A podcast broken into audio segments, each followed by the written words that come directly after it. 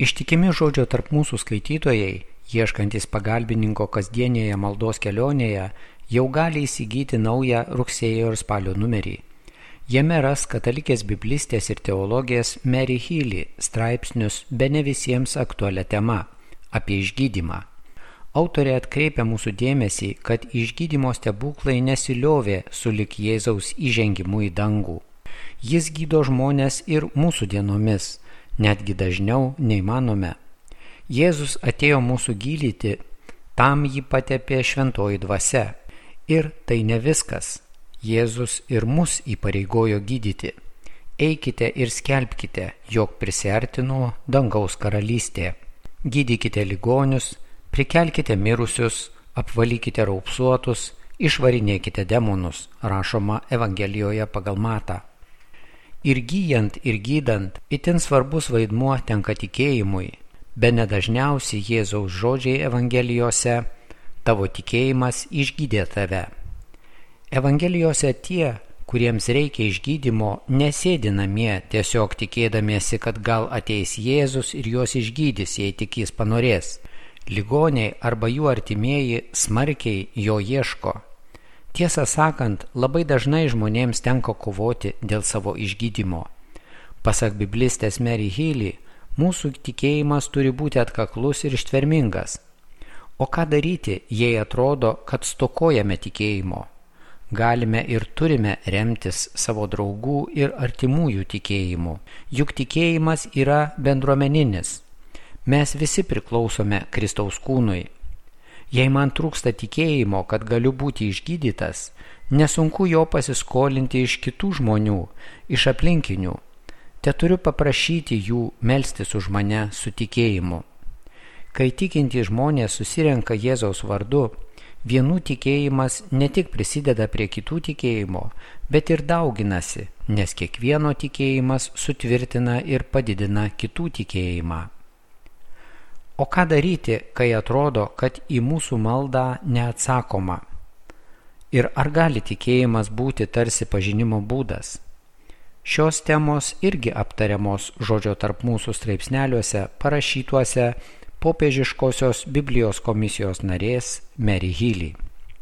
Jie atkreipia mūsų dėmesį, kad pati pirmučiausia mūsų Jėzaus mokinių pareiga tiesiog būti su Jėzumi kasdien skaityti jo žodį, ypač Evangelijas, būti su juo maldoje, garbinti jį, dėkoti jam, kalbėtis su juo apie savo džiaugsmus ir kovas.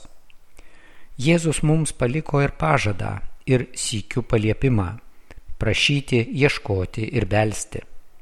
Be to, niekada nepamirškime Jėzaus motinos pamokymo - darykite, ką tik jis jums lieps.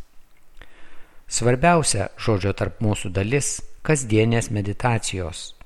Šio numerio liturginių skaitinių meditacijos jūs lydės visą rugsėjį ir spalį, guos, stiprins, ragins ir drąsins. Linkime geros kelionės šventojo rašto puslapiais draugė su žodžiu tarp mūsų. thank you Krikščioniškos spaudos apžvalga naujausiame 21 amžius laikraščio numeryje Mindaugas Buika rašo, kad kardinolu tapo 60-metis Haida Barado arkivyskupas Antonijus Pula, kilęs iš vargingos indų dalytų šeimos, priklausančios labiausiai paniekintam vadinamajam neliečiamųjų Indijos gyventojų sluoksniui. Dalitai sudaro net du trečdalius visų 18 milijonų katalikų Indijoje, šalyje turinčioje daugiau kaip 1,2 milijardo gyventojų, bet neliečiamųjų dalis tarp Indijos katalikų bažnyčios hierarchų yra žymiai mažesnė. Iš 215 viskupų tik 11 yra dalitai, iš 30 arkiviskupų tik 2 dalitai. Tai irgi tam tikra diskriminacija, kurią šventasis tėvas, būdamas labai jautrus įvairių socialinių paribių reikalams, nori sumažinti bažnyčioje ir visuomenėje. Už savojo dvasinio pašaukimo brandą kardinolas Antonijus Pula yra dėkingas misionieriams, kurie suteikė materialinę pagalbą, gabų jaunuolį nukreipė į mokslus, finansavo studijas. Ganytojas pasakodamas apie sunkę vaikystės ir jaunystės patirtį, interviu Vatikano žiniasklaidai aiškino, kad savo pastoracinėje tarnystėje pirmasis interesas yra padėti vargstantiesiems tikintiesiems. Ypač didelę atsakomybę jaučiu neturtingų šeimų vaikų globai. Stengiuosi, kad jie gautų bendrąjį ir aukštesnį išsilavinimą, sakė kardinolas Antonijus Pula. Jie neturi materialinių išteklių didesniems mokslams, todėl parama profesiniam išsilavinimui gauti yra didžiausia ir prasmingiausia bažnyčios dovana. Dabar bendras Indijos kardinolų skaičius padaugėjo iki šešių, iš jų penki jaunesni nei 80 metų ir gali dalyvauti renkant naują popiežių.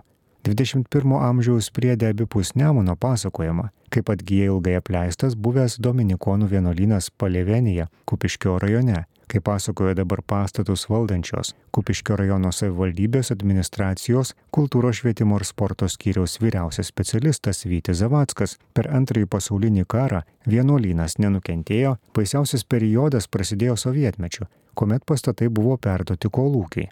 Atgavus nepriklausomybę, 1990 metais ansamblio statiniai pagaliau sulaukė pagalbos, apsaugojusios juos nuo griūties. 2018 metais savo eilės sulaukė vienuolyno pastatas, rengiant tvarkybos darbų projektą konstatuota statinio būklė avarinė. Ypač stipriai buvo nukentėjęs pirmas vienuolyno aukštas, sienos iki palangių pažeistos drėgmės ir užterštos tirpiomis druskomis. Fasadų tinklas atsilupęs sienose vėrėsi vertikalūs plyšiai. 2018 metais pradėti tvarkymo darbai. Šiuo metu svarstomos įvairios idėjos, kaip buvusį vienuolyną moderniai pritaikyti šiems laikams, išsaugant unikalų šio komplekso autentiškumą ir istoriją, kad visuomenė galėtų ne tik praleisti laiką, tačiau ir prisiliesti prie vienuolyno, kuris 17-18 amžiuje buvo tapęs kultūros ir švietimo žydiniu Šiaurės rytų Lietuvoje ilgametės istorijos, komentavo Vytis Zavackas.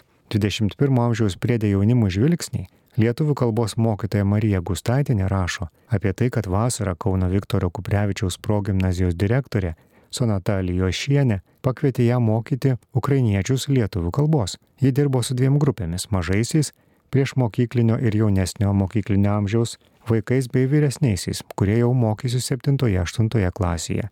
Buvo ir vyresniųjų prisijungę ir vaikų tėveliai. Jau per pirmasis pamokas ukrainiečiai nustebo, kad iš vieno žodžio galima padaryti tiek daug, malonumą reiškiančių žodžių - namas, namelis, namukas, nameliukas, namelytis ir panašiai. Tačiau juos stebino ir tai, kad prie jau išmoktų taisyklių dažnai atsiranda išimtinių atvejų, kuriuos reikia įsidėmėti. Mažiai nesunkiai mokėsi eilėraščių skaičiuočių, žaisdami įvairius žaidimus, tarė lietuviškus žodžius, tik sunkumų pasitaikė, kai reikėjo suderinti linksnius, giminę skaičius ar ištarti atskirus garsus, juos sujungti žodžius. Pamokas mokytoja pradėjusi nuo veiksmažodžio, o paskui atlikus nemažai užduočių, susipažindino ir su daiktavardžiais, linksniais, linksniuotėmis, skaičiais, giminėmis, būdvardžiais, mokė juos derinti, o tada jau nesunkus tapo įvardis prielinksnis. Atliktas užduotis reikėjo peržiūrėti individualiai, nes dauguma dar sunkiai atskyrė lietuviškąją E nuo E, painiojosi dėl nosinių rašybos vienaskaitos, galininko ir daugiskaitos kilmininko linksniuose. Labai gerai nuteikė ukrainiečių motivacija mokytis. Labai gerų emocijų suteikė ir tai, kai po savaitgalio atėję mokiniai ir jų tėveliai jaudinamai pasakojo, kokia stulbinamai graži Lietuvos gamta. 21-ame amžiuje dar rašoma apie tai, kad Junktinėse Amerikos valstijose sostinėje Vašingtoje atidarytas komunizmo aukų muziejus, kuriame veikia ekspozicija apie Lietuvos katalikų bažnyčios kroniką. Tad šią apžvalgą pasirodysiančiam numeriui 21 amžiaus laikraščio rytoj parengė laikraščio redakcija, perskaitė Andrius Sakalauskas.